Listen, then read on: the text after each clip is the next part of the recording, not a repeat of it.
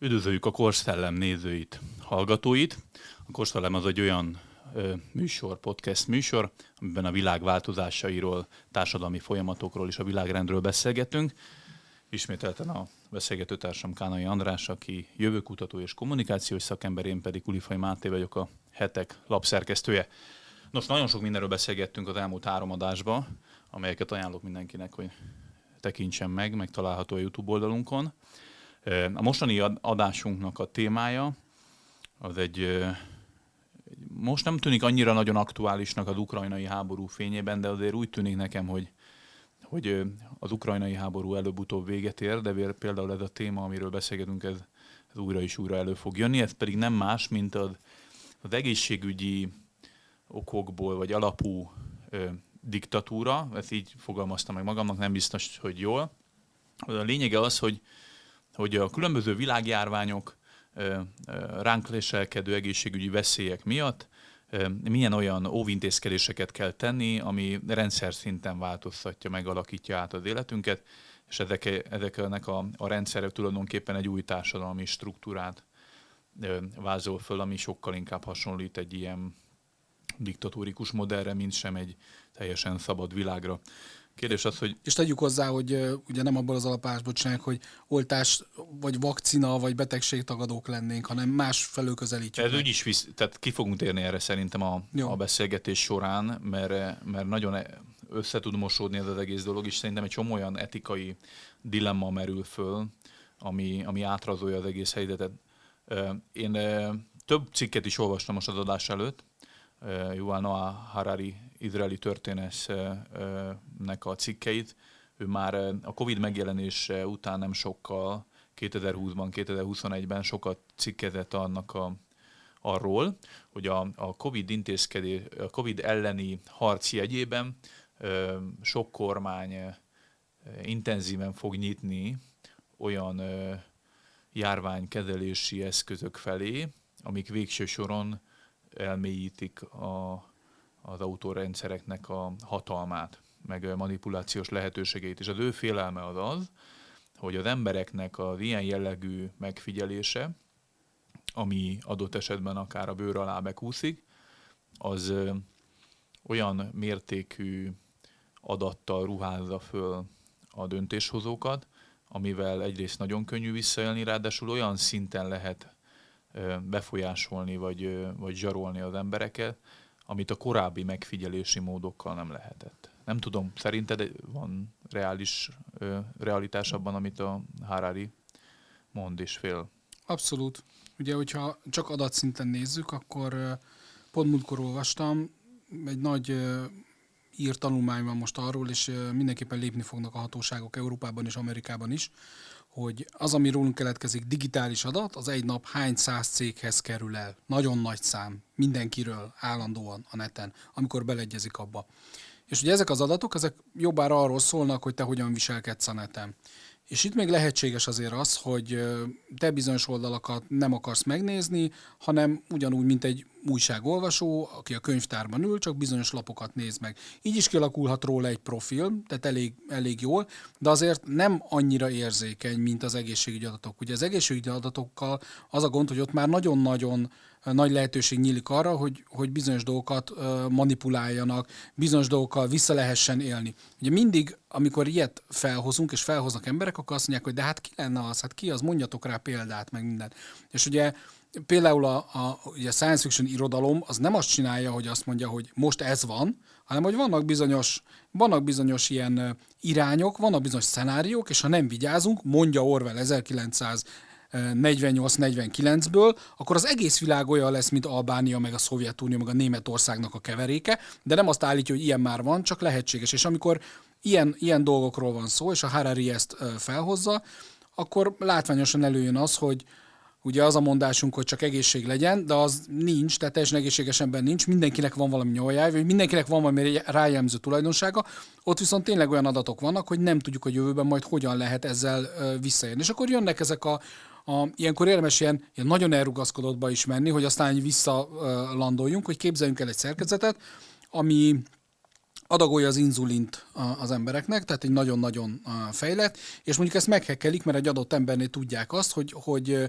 bizonyos magatartás változást úgy hoznak létre benne, vagy akarnak, hogy ezt befolyásolják, és számtalan ilyen hát dolog lehet. hormonális, mentális problémákat kezelnek gyógyszeresen, tehát egy csomó olyan dolog van, amit elvileg lehetne igen. robotizálni vagy automatizálni. Igen, igazából ez a megint, megint az a kérdés, hogy a, a, a, nagyon, ugye nagyon fontos szempont, Amerikában kultúrháború van körülötte pro és kontra, hogy a, az önrendelkezésnek a joga, hogy az ami, az, ami a testünkkel történik, vagy ami ránk jellemző, hogy az emberek a szelleme, lelke, teste közül a teste, ami a fizikai látható valósága, az vajon ö, mennyire kell, hogy más tudjon róla. Így, tud, így is tud róla az állam, tehát nyilván mi is számon vagyunk így, így tartva, de itt azért sokkal többről van szó, itt arról van szó, hogy, hogy azért ezeket is sokkal komolyabban felhasználják. És mondom, ugye mindig azt kell nézni, hogy, hogy lehetséges-e. Igen, lehetséges vannak-e olyan aktorok, akik esetleg ezzel vissza szeretnének élni? Hogy ne lennének ilyen aktorok? Ez nagyon-nagyon jó jönne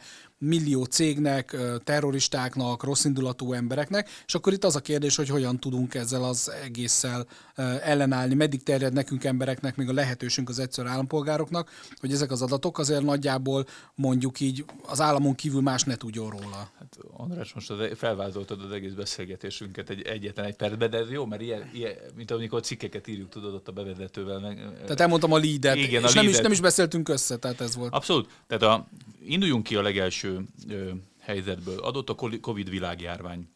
Szingapurban főleg, de Izrael is, Kína is kísérletezett olyan járvány ö, intézkedéssel, ami valahogy ezt a digitális monitorozást, szenzoroknak a, az alkalmazását, robotkutyák bevetése a parkokban, a távolságtartásokra figyeltek robotok, Izraelben voltak olyan karkötők, amik iskolásoknál elkezdtek rezzegni, ha túl közel mentek egymáshoz. Tehát volt egy csomó olyan technológiai, digitális újítás, amit, amit bizonyos országok, és jellemzően ö, ö, ázsiai országokból volt egy-két ilyen, illetve Izrael járt ebben ö, ö, élen, hogy ezeket a digitális eszközöket hogy lehet úgy bevetni, hogy a az embereket segítsék, a, vagy, vagy megakadályozzák, hogy, hogy egy járványhelyzet vagy hullám kialakuljon. Az első dilemma, ami, ami bennem felmerült, az a, a megfigyelésnek a dilemmája. Ugye, ha visszamegyünk a, a hidegháború időszakára mondjuk, a, a, a, a kémkedés csúcskorára, vagy nem tudom, hogy, hogy fogalmazunk el, ott ugye emberi erővel kellett azt megoldani, hogy, hogy egy-egy célszemét kövessenek, és annak volt egy fizikai korlátja, hogy mennyi mindent lehet megtudni róla. Már ott is volt ugye bepoloskázás, nyomkövetés, elindultak a műholdas megfigyelések, ki merre mozog. Én szerintem a másik nagy ugrást a megfigyeléseknek a, a szintjébe az a, az internet megjelenése jelentett el, illetve inkább a közösségi oldalaknak a megjelenése. Ugye az Edward Snowden úgy, úgy óta tudjuk, hogy a, Ugye az NSA például az amerikai titkos szolgálatnak az egyik ága, az milyen módon figyelte meg tömegesen amerikai állampolgároknak a sokaságát, de egyébként Egyesült Államokon kívül is digitális módon az embereket. És úgy tűnik nekem, hogy megint, mint ahogy az ipari forradalmak ugrása, ugye a megfigyelői rendszerekben is van egy olyan jellegű ugrás, például a biometrikus adatoknak a, gyűjtésével és kezelésével, ami minden eddiginél durvábban és példanélküli módon tud információt szerezni az emberről. Már a, már a digitális nyomkövetés is olyan jellegű ugrás volt, ami már elérte azt, hogy kvázi többet tudnak rólunk, mint amit mi magunkról tudunk. Egy csomó mindent kielemeznek a, a, az adatainkból, a digitális lenyomatunkról, viszont a biometrikus adatok ismeretében meg még inkább igaz ez, ugyanis míg egy ember megteheti azt, hogy nem regisztrál a Facebookra, megteheti azt, hogy másnak adja ki magát online felületen, mint ami valójában. Tehát egy csomó mindent elméletileg tud még kezdeni az ember, hogy az online lenyomata ne akkora legyen. A biometrikus adatokból viszont rengeteg olyan jellegű dolgot lát az adatot kezelő fél, amit mondjuk egy, egy, egy, egy ember saját magáról egyáltalán nem tud, és ez szerintem borzasztóan kiszolgáltatottá is teszi. Itt ugye sok kérdés merül fel ezzel kapcsolatban. Az egyik, amit mondtál, eszembe jut az a kitűnő német film a Mások élete. Igen. Ugye a Mások élete 70-es évek végi NDK-ban játszódik, a főszereplő egy színházigazgató, és a Stázi egy magas uh, rangú tisztviselője, aki lehallgatja ezt a, ezt a színházi embert. És ugye abban benne van egy ilyen jelent, benne van a lehallgatónak a telepítése, az is egy nagyon sokat mondó jelent, különösen amikor rászólnak a szomszédra, hogy most felejts, amit látott, különben a fia nem megy egyetemre, tehát hogy ez, ez benne van, de hogy benne van az a rész, amikor bontják föl a, a borítékokat, és ehhez még a 70-es években emberi erő kellett. Tehát, hogy nem, le, nem lehetett bizonyos mennyiségű levelet felbontani, megfigyelni, pláne igazi elemzésnek alávetni tömegével, százresével, illetve nem lehetett annyi ünnököt telepíteni még egy ilyen országban sem, tehát maradtak fehér foltok. A digitális világban nem maradnak fehér foltok, illetve minden digitálissá tehető, a leg, legkisebb dokumentum is. A biometrikus azonosítóban tényleg az a gond, hogy ezt nem tudjuk lecserélni. Az új lenyomatunkat se tudjuk, jó persze, hogyha nagyon akarjuk, tudjuk, de az összes többi mondjuk, ha megyünk egy kicsit mélyebbre, mondjuk a, a, a DNS lenyomatunk a, a, az, a, az a, ami, ami rólunk beszél, és egyre többet tudunk róla, hogy mire vagyunk, mire van hajlamunk betegségre, mit örököltünk, stb. Azért ezek már nagyon, ezek már rendkívül érzékeny dolgok. Ugye ami, ami látszik a 70-es évek óta, illetve mindig is látszik, hogy az nem változott az emberi természetbe és az államokban, hogy azért szeretnének a, legalábbis az állam ellenségeiről jó sokat tudni. Az változott, múltkori adásban pont beszéltük, hogy a, igazából a kommunikáció adta nagy találmányokat a mostani 10-20 évben, tehát a kommunikációs találmányok változtatták meg az életet, hogy ez viszont könnyebbé tette az egész lehallgatást. És innentől kezdve ugye az a kérdés, hogy, hogy mi uh, hogyan lépünk erre, mit, fog, mit fogunk tenni, mi fogja korlátozni a, a kormányokat, és akkor itt bejön az, arról is beszéltünk, hogy, hogy valójában az emberek egyre kevésbé értik ezt a számtechnika informatikának ezt a részét. Tehát ide szakemberek kellenek, és a szakemberekbe is szakemberek kellenek, ahogy, hogy egyre kisebbre aprózódik ez az egész informatika, tehát kibervédelmi szakemberek, de hát melyikünk ilyen, aki ez, ez, ez, pontosan, ez pontosan érte. A biometrikussal tényleg az a gond, hogy ha az, az megvan, akkor más már nagyon, akkor más már nagyon nem is kell. És ezért érdekes, pont idén 20 éves a Spielberg szerintem egyik legjobb film, a külön vélemény, ahol ugye a jövőben az embereknek a, a retina lenyomatuk alapján kapnak reklámot, ahogy mennek az utcán, az alapján figyelik meg őket, és hát a, a főösnek egy nagyon-nagyon hát egy erőteljes beavatkozás kell tennie sebészetit, hogy ezt valahogy elkerülje. Tehát az már egy olyan, olyan világot vet föl. Szerencsére egy olyan amerikai író írta, aki megőrült élete végén, és elég paranoid volt ahhoz, hogy ezeket a dolgokat így, így előre valahogy kikövetkeztesse, vagy legalábbis így legyen sejtése róla. Ugye több minden kérdés felmerült bennem, de ami, ami nekem eszembe jutott egyébként, hogy a megfigyeléssel kapcsolatban, hogy ez tulajdonképpen azért kivitelezhető a mindenkori ö, kormányok felé, mert a, a társadalmakban tulajdonképpen az emberek valamiért cserébe belemennek ebbe a játékba, hogy ezeket az adatokat megosszák magukról. Tehát adott esetben például a, a, a ugye 2001-es szeptember 11-i terrortámadás után ugye az adatgyűjtés úgy kezdődött el az NSZ részéről, meg több minden részéről, hogy a terrorizmus elleni küzdelemben erre szükség van. És ezért a terrorizmustól való félelemben, a, a támadásoktól való félelem miatt, a, a, a emberi élet védelme miatt nagyon sok ember belement abba, hogy adott esetben például a repülőteren legyenek ezek a fémdetektoros kapuk, legyenek minden sarkon biztonsági kamerák, legyen arcfelismerő szoftver, stb. Tehát volt egy krízis helyzet, amit kihasználva az emberek életvédelem céljából feladták a függetlenségüket, szabadságukat, magánszférájuknak egy részét, szeletét, hogy a védelmet megkapják az államtól.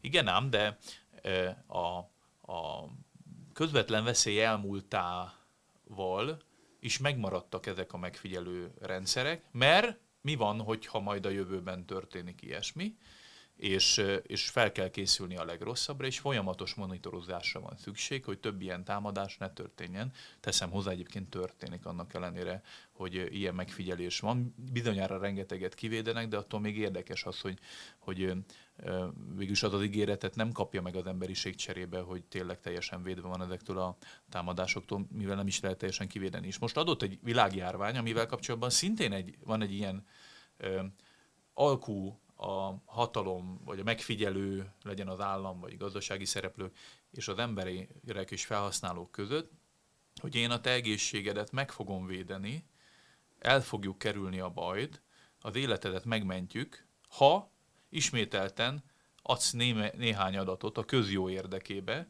a saját érdekedben és a közösség érdekében is, és lemondod bizonyos magánszféráról, magánadataidról, és cserébe ezért megelőzzük, hogy a világ járványban te, a rokonod, akármi ki meghalljon, és amikor véget ér a Covid, és mondjuk egy ilyen erősebb influenzává e, legyengül, akkor viszont megjelenik a majomhimlő, meg most csak mondom, direkt mondok példákat, meg, meg nem tudom milyen járvány, és most már mindenki járványok koráról beszél, tehát folyamatosan lehet majd olyan indokot találni, amivel min, ismételten ezt az alkut egy ilyen, ilyen határozatlan időre hosszabbítják meg a, az emberekkel és felhasználókkal. Tehát számomra ez az érdekes, hogy ezt a bizalmat mi békeidőbe, veszély nélkül nem adnánk meg ezeknek a adatfeldolgozóknak. Egyáltalán azt se tudjuk egyébként, hogy kik dolgozzák fel, ezt teszem hozzá.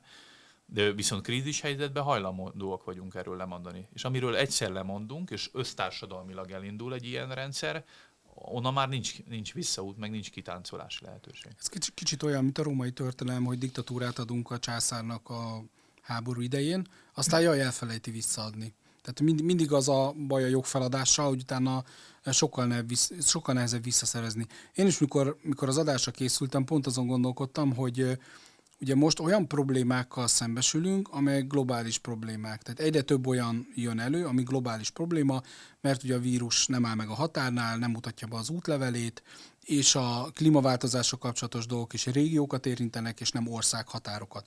Tehát, hogy ab, abban a korban vagyunk, és ez is korszellem, hogy globális problémák vannak, amelyekről már vannak adataink, van tudásunk, vissza utalva régebbi adása, van hisztérikus hozzáállásunk is rendesen, és érzelmi típusú hozzáállásunk, és kevésbé higgadt, de ez érthető, hiszen vannak olyan képek, a, a tűzben botorkáló koala képe az, az azért mindenkit, mindenkit megrikat, jogosan. Tehát, hogy vannak problémák, amiről azt állítjuk, azt állítják szakértők, és úgy látjuk mi is, és, és erős valóság alapja van, hogy ezt csak úgy lehet kivédeni, hogyha összefog az emberiség, ami azt jelenti, hogy több országnak kell erős szövetséget kötnie, és ugyanazt mondani, állítani a polgárainknak. Ez merőben új dolog, tehát hogy, hogy ez mondjuk a világháborúban jött elő, hogy nagyjából egyetértünk, egyetértett csomó ország abban, hogy na, a, a náci harmadik birodalmat, a németeket és a többieket, sajnos mi is ott voltunk, meg kell állítani. Tehát, hogy volt egy ilyen konszenzus, aminek érdekében ezt meg ezt várták el a társadalomtól. Most viszont egy seregnyi ilyen dolog jön elő. És ilyenkor a válasz, hogyha globális, akkor a, nem marad meg nemzeti szinten, hanem megy föl globális szervezetekhez. Nagyon érdekes, hogy éveken át soha az ENSZ-nek sok szervezete van, de a WHO az lett az a szervezet, ami most belépett a palástra, pástra két évvel ezelőtt, és, és hát alakítója lett a folyamatoknak, vagy legalábbis tevékenyen beleszól, és vindikált magának egy olyan jogot, egy szakhatósági jogot, ami, ami befolyásolja ugye a, a, a, világon egy csomó embernek az élet minőségét, a, az életét, hiszen amit elfogadott mondjuk oltóanyag, aki az a be volt oltva, annak utazási szabadsága volt, és így tovább.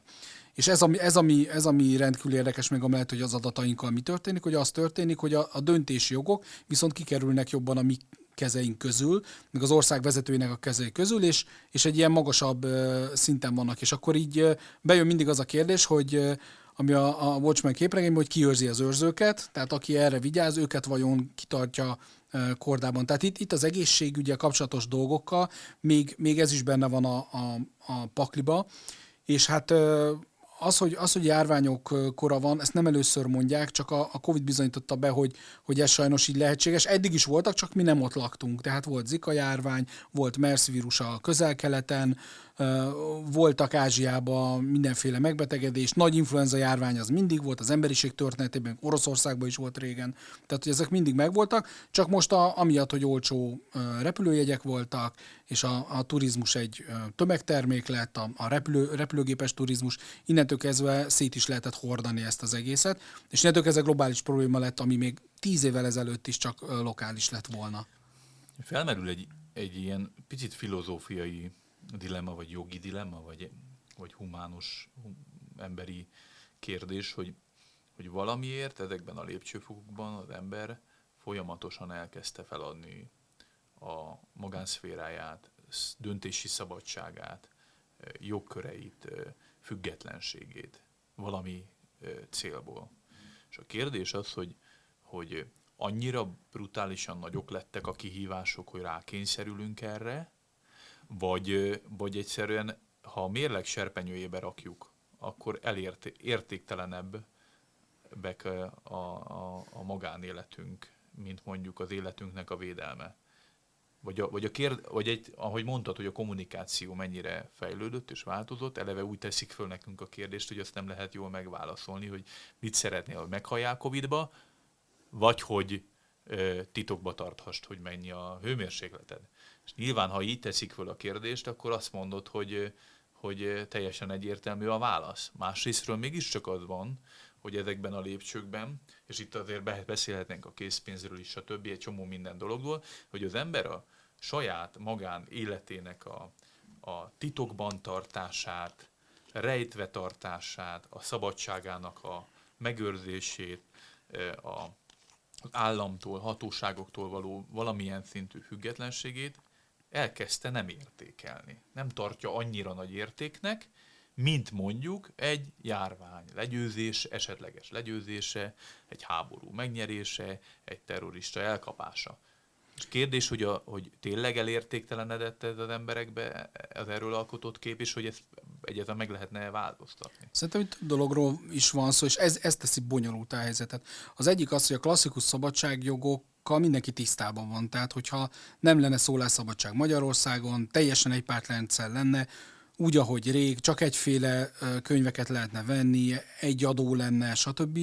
Korlátozva lenne az, hogy nem mehetnek ki, akkor tudná, hogy igen, a szabadságjogaival baj van, és akkor ahhoz képest, ami lehetőségei engedik, mindenféle élet stratégiát alakítani, alakítanak ki erre.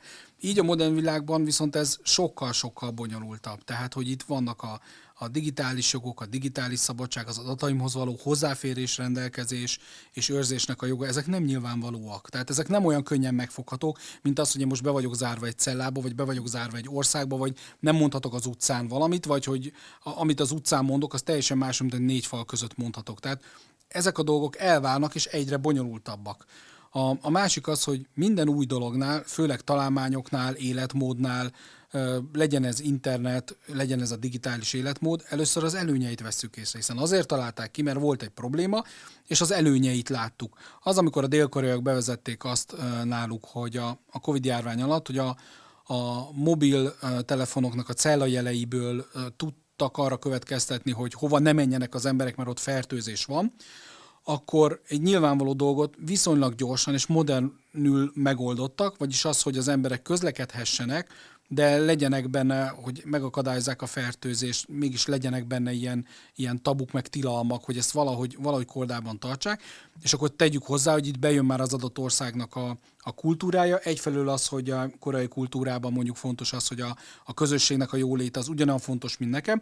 A másik az, hogy ezt úgy csinálták meg dél hogy anonim adatok voltak, és átláthatóvá tette a kormány az egész folyamatot. Tehát, hogy nem arról volt szó, hogy tudták azt, hogy Kuluföld Máté pont merre megy, hát jó, hanem, hanem azt tudták, hogy merre. És azt akarom... Nincs meg a bizalom azért.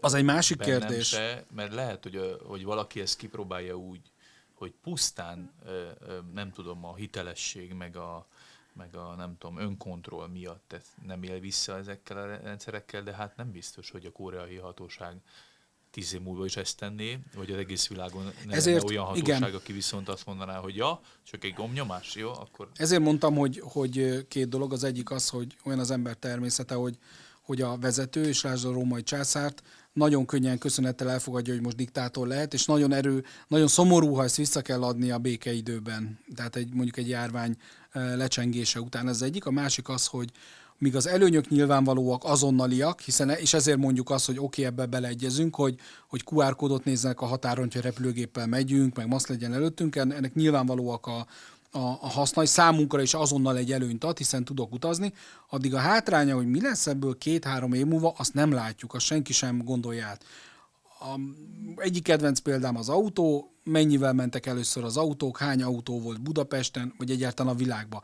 Onnan még eljutottunk addig, hogy a, az M7-esen ötös baleset van, egy elég sok uh, utat kellett bejárnunk, hiszen, hiszen uh, csak ilyenek, hogy az autóknak mind-mind olcsóbbá kellett lenniük, gyorsabbnak kellett lenniük, a vezetést kiterjesztették, a jogosítvány megszerzése könnyű lett, kevés feltételhez kötött, és az egész minden száz év alatt eljut oda, hogy tömegbaleset lehetséges. Tehát, hogy és, és egy, egy találmányból indultunk, ami azt a problémát próbálta megoldani, hogy mi van, hogyha nem lóerőre bízzuk, ha nem, nem lóval akarunk közlekedni, mert az egy idő után fenntarthatatlan lesz sok minden egyéb szempontból. Megoldottunk egy problémát, majd az évtizedek alatt kreáltunk sokkal több más problémát is nem fogunk visszamenni a, a, a lovakhoz, hanem próbáljuk azt, amit most a több probléma előtt, hogy hogyan tudjuk. És akkor erre jönnek az egyéb megoldások, tehát, hogy biztonsági intézkedések az autóban, sebességkorlátozás, stb. stb. stb. És most ennek, a, ennek az egész járvány helyzetnek a, az egészségügyi ilyen korlátozása, meg egészségügyi adatkezelésének, hát a legelején vagyunk az, az látszik, hogy biztosan lennének olyan uh, szereplők, akik, akik örülnének, ha ezt valahogy így lehetne jobban, jobban még, még erősíteni, és kvázi biztonságosabbá tenni az emberiségnek az életét, hogy, hogy ne legyen beteg, de ugye ez meg ott bejön az, hogy szabadságjogok, meg az, hogy akkor mi az egyén felelőssége az ezt a vitát nem folytatjuk le. Tehát onnantól kezdve, hogy a, a, például a Covid időszak alatt is szinte az összes állam, tudom, hogy ennek megvolt az oka, hogy miért, de csettintésre ugyanazokat a rendkívül drasztikus lezárásokat, karantént, mindent bevedetett, és utána kiderült, hogy nem is biztos, hogy lett volna az egészre szükség. Tehát van egy ilyen, most nyilván most a Covid-nál megértem, de hogy van egy ilyen hiszterikus hangulat, amiből automatikusan cselekszik akár egy egész tömeg. Szóval ezeket a vitákat, hogy most a szabadságjog kontra nem tudom, járvány elleni küzdelem, ezt már nem ne, nem folytatják le az emberek. Egy, egy kérdés, egy személyes kérdés hadd had, eh, tegyek már föl, és akkor kíváncsi vagyok, hogy te mit mondasz erre, hogy adott lenne egy bőr alá ültethető csíp. Már rutinszerű a, a bevétele, kivétele, tehát hogy, hogy nem, nem te az első prototípus. Egy bőr alá ültethető egészségügyi csíp, ami jelezne automatikusan, hogyha neked szíveddel, veséddel, véreddel, akármiddel probléma lenne, tehát mindenféle egészségügyi problémának az első tünetét már tudná jelezni, így meg tudnád előzni a komolyabb egészségügyi bajokat, hogy ezt a csipet te beültetnéd-e, annak ellenére, hogy, hogy nyilvánvaló kockázata van, hogy azok az adatok adott esetben mondjuk nincsenek annyira védve, mint, mint, mint hogy mondják. Nagyon jó kérdés, ahogy szokták mondani a nehéz kérdésekre, nem lehet egyértelmű választ. Nyilvánvaló, hogy a, teljesen a körülményektől tenném függévé. Nagyon sokat olvasnék hozzá pro-kontra, hova akarják tenni, miért akarják tenni, az fontos, ugye a, csak egy kis kitérő, mikor itt volt Magyarországon a transhumanista pártnak az elnök, aki magyar származású természetesen, és mutatta a kezébe, ott van az a kis rizszemnyi csíp, és mondta, hogy hát ezzel házal Amerikába, de nem annyira nem annyira akarják. Mondom, hogy arra gondolta, hogy Amerikának a fele keresztény, és ha azt mondja egy, egy ilyen államnak, hogy a kezedbe ültes be valamit, annál rögtön megszólal a csengő a jelenésekből, hogy a jobb kezébe vagy a homlokára pecsétet raknak, vagy bélyeget raknak, akkor az nem fog ezért annyira lelkesedni, még akkor is, ha esetleg nincs igaza, és mondta, hogy tényleg. Tehát, hogy vannak ilyen, vannak ilyen kulturális uh, dolgok, én, én megnézném azt, megnézném azt, hogy, hogy tényleg, hogy ez, ez mit tud, mit akar, mi, mik a, ennyire kötelező-e, tehát ez ugye az fontos dolog, hogy mennyire marad meg a választás, és mit akarnak vele csinálni. Maga a cél, az nagyon jó. Tehát, hogy, a, hogy nagyon sok haláleset lenne megelőzhető, hogyha orvos tudnánk azonnal hívni 5 percen belül. Tehát a, a cél az, az nagyon-nagyon hát, meg jó. ugye azért mondják a szűréseket, meg minden, hogy rengeteg mindent meg lehetne előzni, hogyha a Igen. időben tudnánk. De ez, ez úgynevezett invazív technológia, tehát azt jelenti, hogy azért kell egy kis beavatkozás, mondhatni műtétecske, hogy ez bekerüljön a testbe.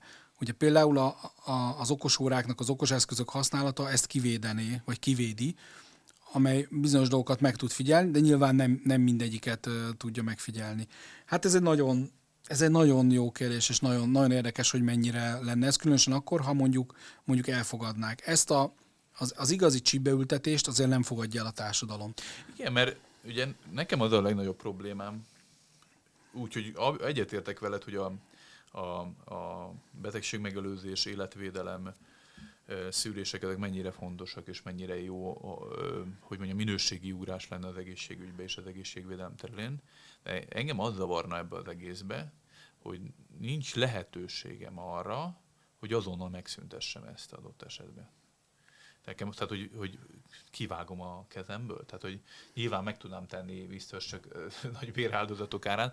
Míg, míg mondjuk egy karkötőt hordani azért, hogy az ember lássa azt, hogy ide, és, és tényleg lecsatolható bármikor, akkor, akkor jobban bele tudnék menni.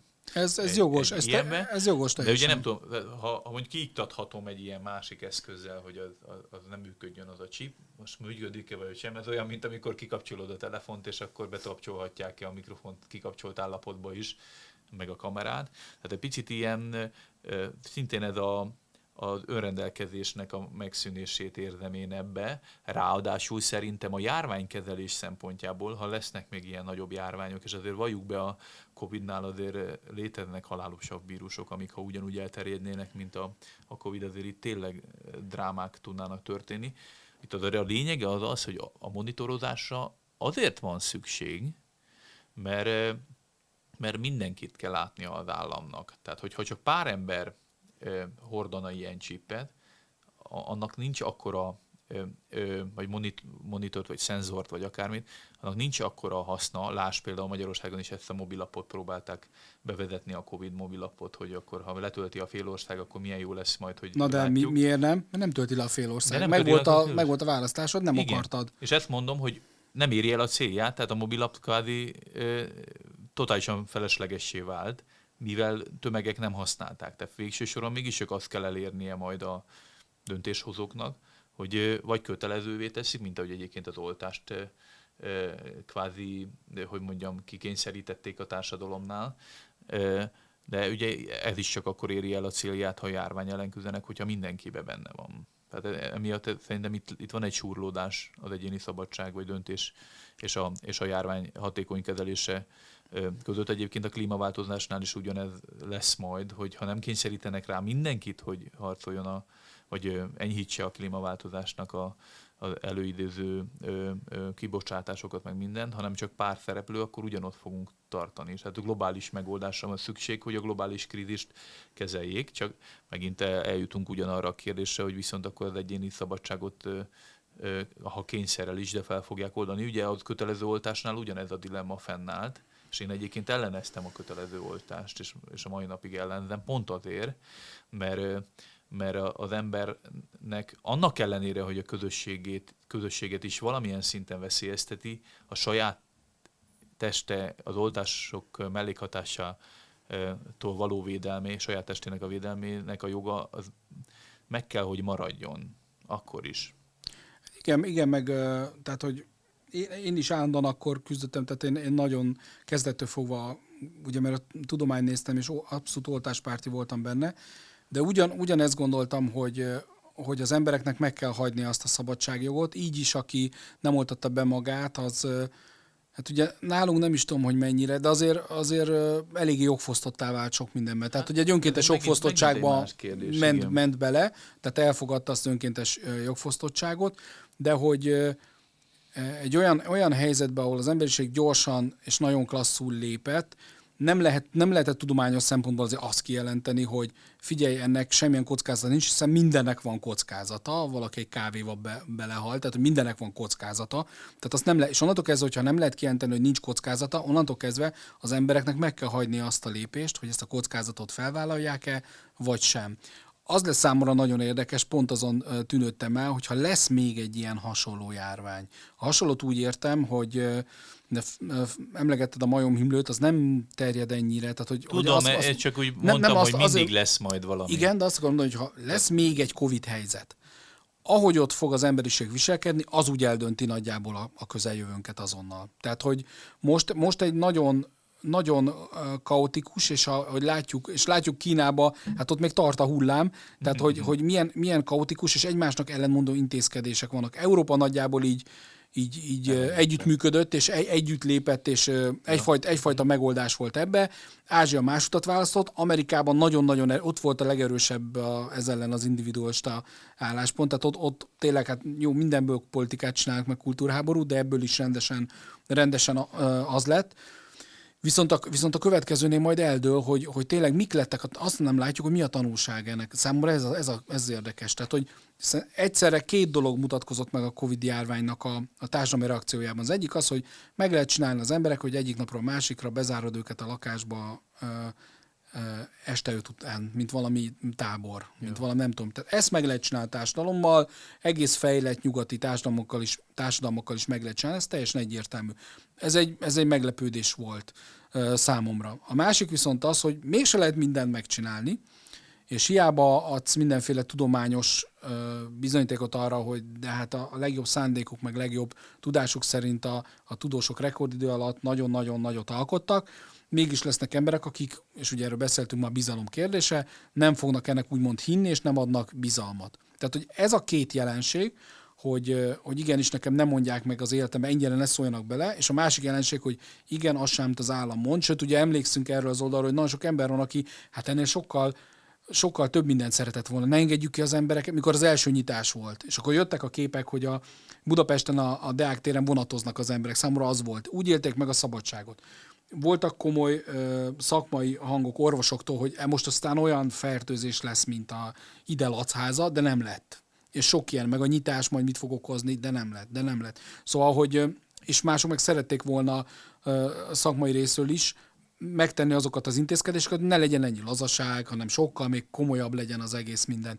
Tehát, hogy egyszerre volt ez a két hang, ez a sokkal szigorúbbak legyünk, és sokkal enyhébbek legyünk, és ezért nagyon érdekes lesz, hogy a következő, ha lesz ilyen így következő, az, az mi lesz. Most arra felé hajlok, hogy, hogy nem lehet az emberekkel ugyanazt már megcsinálni, mint a Covid-ban. Tehát a, a karant, karanténban nem vagyok már biztos, biztos hogy ezt meg Biztos, lehet. de szerintem ez pont, hogy elősegítheti azt a fajta megelőző jellegű ö, kényelmesebbnek tűnő megoldást, mint például a, a szenzorá, szenzoroknak a, a használatát. Tehát, hogyha azt mondanád, hogy figyú, nem veszíted el a munkahelyedet, nem kerülsz karanténba otthon, ö, ö, nem kell ö, idióta teszteket csinálnod állandóan, stb. Tehát, hogyha megszűnik mindaz, ami, ami a problémát okozza, csak annyit kérnek, hogy törzs le az appot, hordják a rórát, ültes be a csipet. Tudom, hogy ezek nagy ugrások, csak, csak mm. a mhm. példaként hozom föl. Akkor végső soron lehet, hogy az ember azt mondja, hogy a bocs, de a jogaimat korlá, durvábban korlátozzák akkor, amikor látom, ezek a látványos korlátozó intézkedésekkel, mintha most hordanom kell egy, egy karórát, vagy letöltenem egy appot, vagy, vagy valami szenzort alkalmaznom magamon. Tehát, hogy végső soron mégiscsak az van, hogy, hogy az embernek kényelmesebb az, hogy, hogy, hogy szabadon tud mozogni, járni, kelni, csak még egy kis adatot kell magáról adnia, és rátérve erre az adatra, csak egy, egy kérdés-válasz erejéig azért beszélgessünk erről, hogy mi minden tudhat adott esetben például egy biometrikus adat az emberről. Ugye ma most is mondja, és egyébként pont a Harari vetette föl, hogy például a digitális információ dömpingben van egy olyan érdekes jelenség, ugye, hogy többet tud a adatkezelő, mint az ember saját magáról. Adott esetben például Harari 21 évesen coming out hogy ő homoszexuális. És mondta, hogy lehet, hogy ez már benne volt ezek a vágyak, vagy akármi, már 15 évesen is, viszont az agya ezt blokkolta, és ezért ezt nem, nem jött, hozakodott ezzel elő. Viszont, ha a közösségi oldalaknak már 15 éves korában ekkora befolyása, stb. lett volna, akkor adott esetben például a Facebook, vagy az Amazon, vagy akárki előbb tudta volna Harari-ról, hogy ő ilyen orientáltságú, mint Harari önmaga.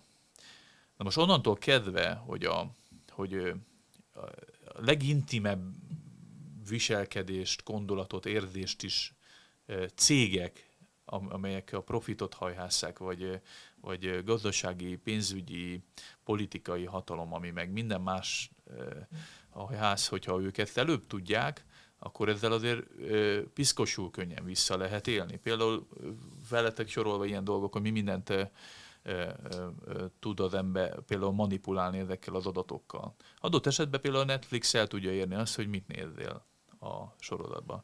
A, a, az Amazon mondjuk el tudja érni, hogy mit vegyél, vagy bármelyik más tég a reklámjaival, hogy monitorozza, hogy mondjuk a sárga szintéged vásárlásra indít, stb a, a, a különböző felmérések, mesterséges intelligencia elvezethet akár oda is, hogy mit tanuljál, mit dolgozzál, sőt, akár, hogy kivel házasodj össze, társadalmi applikáció, vagy mondjuk kire szavaz adott esetben egy politikai választáson. És ez, ez önmagában, ez csak és kizárólag a digitális adathalmaz, vagy hogy mondjam, a közösségi online adathalmazokból kinyerhető manipulációs lehetőség. A biometrikusságban pedig az van, hogy mondjuk érsz egy rezsimbe, egy, egy diktatúrába, Észak-Koreába, adott esetben mondjuk 2030-ba, és, és teljesen engedelmesen beállsz a sorba, nem akarsz meghalni, nem akarod, hogy munkatáborra küldjék az egész családodat, a, még a másodiknak a testvéreidet is, hogy ott halljanak meg, de viszont le, le, bejátszák a nagyvezérnek a,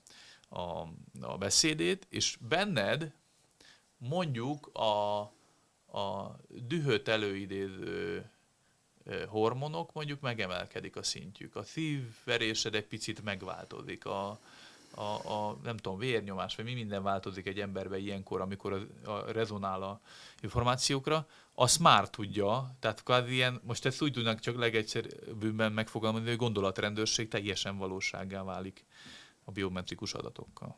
Ugye aki kínai uh, szifit olvas, én olvasok, ott nagyon sok történet az... Kínaiul? Nem, nem, ang- ugye... eljön az is? Eljön az is. Nem, nem kell kínaiul tanulni. Szóval, hogy uh, ott nagyon sok ilyen történet van. Nagyon sokat foglalkoznak a, a kínai science fiction írók azzal, hogy a nyelv és a szabadságnak mi a viszonya. Ez nekünk kelet-európaiaknak teljesen egyértelmű. Uh, nyilván Orwell-től sokat tudjuk, hogy, a, hogy az új beszél mit jelent. Azt jelenti, hogy a nyelvet, ha átalakítja egy hatalom, ő mondja meg, hogy milyen szavakat lehet kimondani, elmondani, hogy I és, nek a I Gyula verse az egymondat zsarnokságról, abban szerepel is ez, akkor, akkor formálja gyakorlatilag a valóságot. Na most a valóság formálása, tehát a kommunikáció, mivel írásba történik a neten, Ugye Kínában például nem lehet leírni, és nem lehet arra rákeresni, hogy Tiananmen tér, és még van pár ilyen. Erre megvan a technológia, ezt hiába vannak olyan sokan, olyan sokan Kínában, hiába van annyira sok kommunikáció Kínában, mert képzeljük el ennyi ember között mennyi kommunikáció van. Ezt élőben azonnal ki lehet ezeket szűrni. Tehát, hogy ezek, ezek megvannak. Amit te mondasz, az egy még riasztóbb jövőképet vetít elő, és megvan a technológia alapja. Az pedig arról szól, hogy a, a testbeszédnek a, a kontrollálása és a testbeszédből leszűrhető dolgok.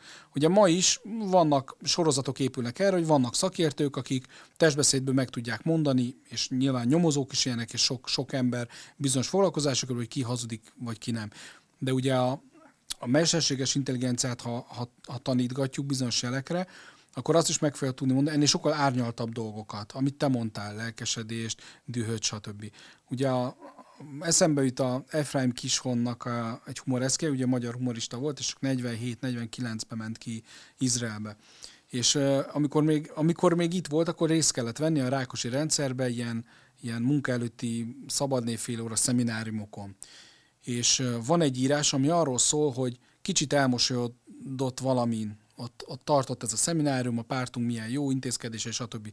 És végig azon, utána azon uh, volt a szívdobogás, hogy ezt észrevették-e, hogy mit fognak ezt szólni. Hogy nem mosolyoghat egy ilyen helyzetbe. Tehát a, nem is mondott semmit, egy rossz szót nem mondott a, a rendszerről, hanem hogy, hanem hogy, ez, hogy ez milyen. És a, a, a testünkkel kapcsolatos dolgok, pont ahogy mondod, azok, azok esélyt adnak arra egy hatalomnak. És igazából a, a, a diktatúrákban ez is egy érdekes dolog, hogy, mi úgy, és a disztopikus filmekből is azt szűrtük le, hogy hát az a diktatúra, amilyen ilyen nagyon ilyen tönkrement dolgok, vagy a szocializmus az, ilyen, az eróziója az sokkal gyorsabb volt, mint a, tehát a rosszul működő gyárak, a, a, a csúnya utcakép, a, a, a Trabant versus Golf, tehát hogy ki, ugyanaz, a, ugyanaz a nemzet két ilyen autót tudott összeállítani, tehát hogy a, a kettő közötti különbség. Azt, azt mondatta velünk, hogy a, a diktatúra az, és Korár, Észak-Koreára nézünk, akkor látjuk is, ahol ami nagyon-nagyon lepukkan, nagyon-nagyon rosszul működik, eh, trehány, nem tudja összefogni a lakóit, az egészen szétzilált, szétesett katonák vannak, hatás azt tartja össze. Ennél sokkal veszélyesebb a, az a diktatúra, ami az alapdiktatórikus történetek egyike, disztopikus történetek egyike. Ez az Zamjatyin nevű orosz író 18-19-ben írta meg azt a regényt, amivel aztán sikerült a egészen Szovjetunió szétomlásáig meg nem jelennie oroszul. Ez a Mi című regény, nem mesterséges intelligencia, mint Mi. Az egy olyan világról szól, megdöbbentően modern az egész. Tehát annyit kell tudni, hogy ezt a regényt olvasta talán francia, mert ugye emigrációba kellett menni nyilván az írónak, aki egy ilyet írt 18-19-ben a Szovjetunió születésnek a hajnalán. És a, talán a francia változatát olvasta az Orwell, és akkor jött rá, hogy neki is kéne írni egy, egy disztopikus regényt. Az Amjatyinnak a regényébe a világ úgy néz ki, hogy az embereknek számuk van, tehát adatok. Tehát nem Iván és nem tudom mi, és léna, hanem adatok, hiszen az adatokat jobban lehet kezelni, az adat semleges is ebből a szempontból, illetve egyesíti az embereket. Az emberek teljesen üvegfalú házakban laknak, hiszen milyen, milyen érdekük lenne elbújni a többiek elől. Nincs rejtegetni való. Ez egy szép, boldog világ.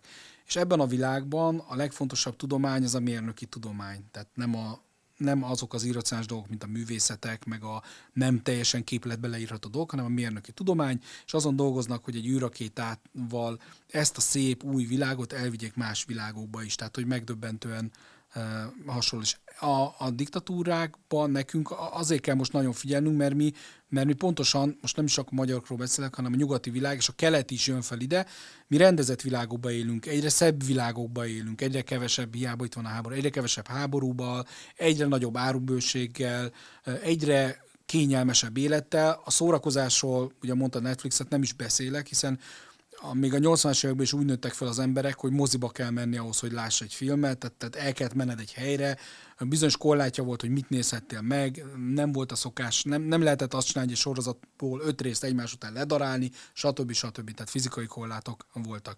Ez egy sokkal kényelmesebb, sokkal szórakoztatóbb, sokkal több mindent kínáló világ, és eb, ezért nehezebb észrevenni azokat a jeleket, amik akár az egészségünkkel kapcsolatos ilyen adatkezeléssel hát állnak összefüggésben. Ugye, hogy a mérleg másik nyel, serpenyőjén tehát most egy kicsit furcsán hallgathatja mondjuk egy olyan néző, hallgató a beszélgetésünket, aki azt mondja, hogy mi, mi a fenéről beszélgetünk? Hát diktatúra jó, jó, Észak-Korea diktatúra, Kína esetleg diktatúra, Putyin autoriter rendszert vezet, de most mit parázunk attól, hogy a, a nyugati demokráciák egyszer majd csak nem tudom, ilyen hitleri Németország, náci Németország szintjére emelkedve, hogy diktatúrát e, fognak csinálni, holott itt nem más a célja a tudományos előretörésnek, mint hogy az életeket megvédjék és megmentsék. Hogyha lett volna ilyen jellegű elővigyázatosság, ilyen jellegű fejlettség és társadalmi felelősség, akkor már rég ö,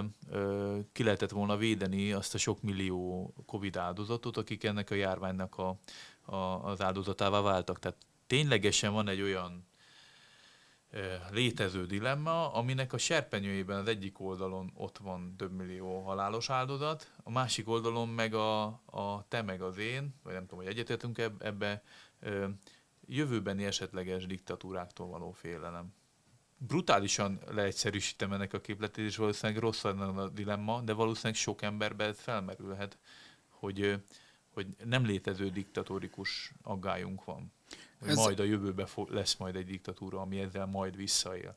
Adott esetben az e- Egyesült Államok is ugye gyűjti ezzel az adatokat rólunk, vagy a Szilíciumvölgy, vagy Kalifornia, mégis olyan rettenetesen durván még nem éltek vissza úgy, hogy én a saját kényelmi szférámban megéreztem volna annak a rettenetes hatását.